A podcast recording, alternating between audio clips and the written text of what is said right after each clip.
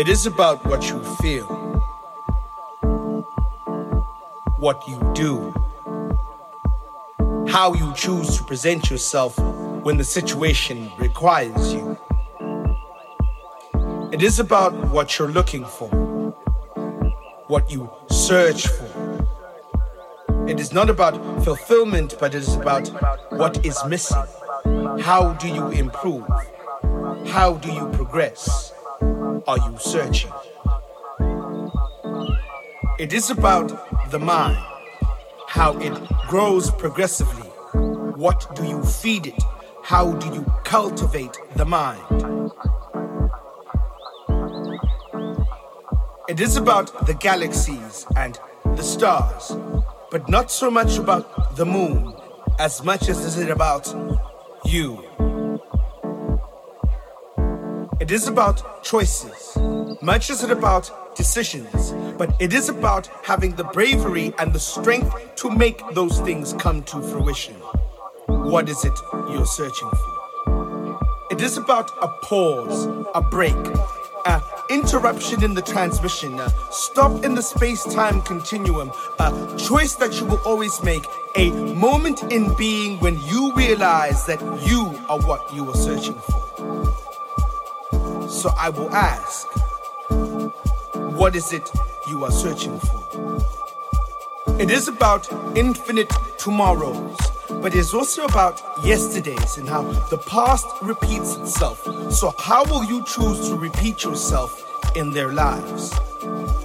It is about now. It is about then. What is it you are searching for? What is it you are searching for? the now? Is it the no? Is it the yes? Is it that subsequent I love you that you need? What is it you are searching for? What is it you are searching for?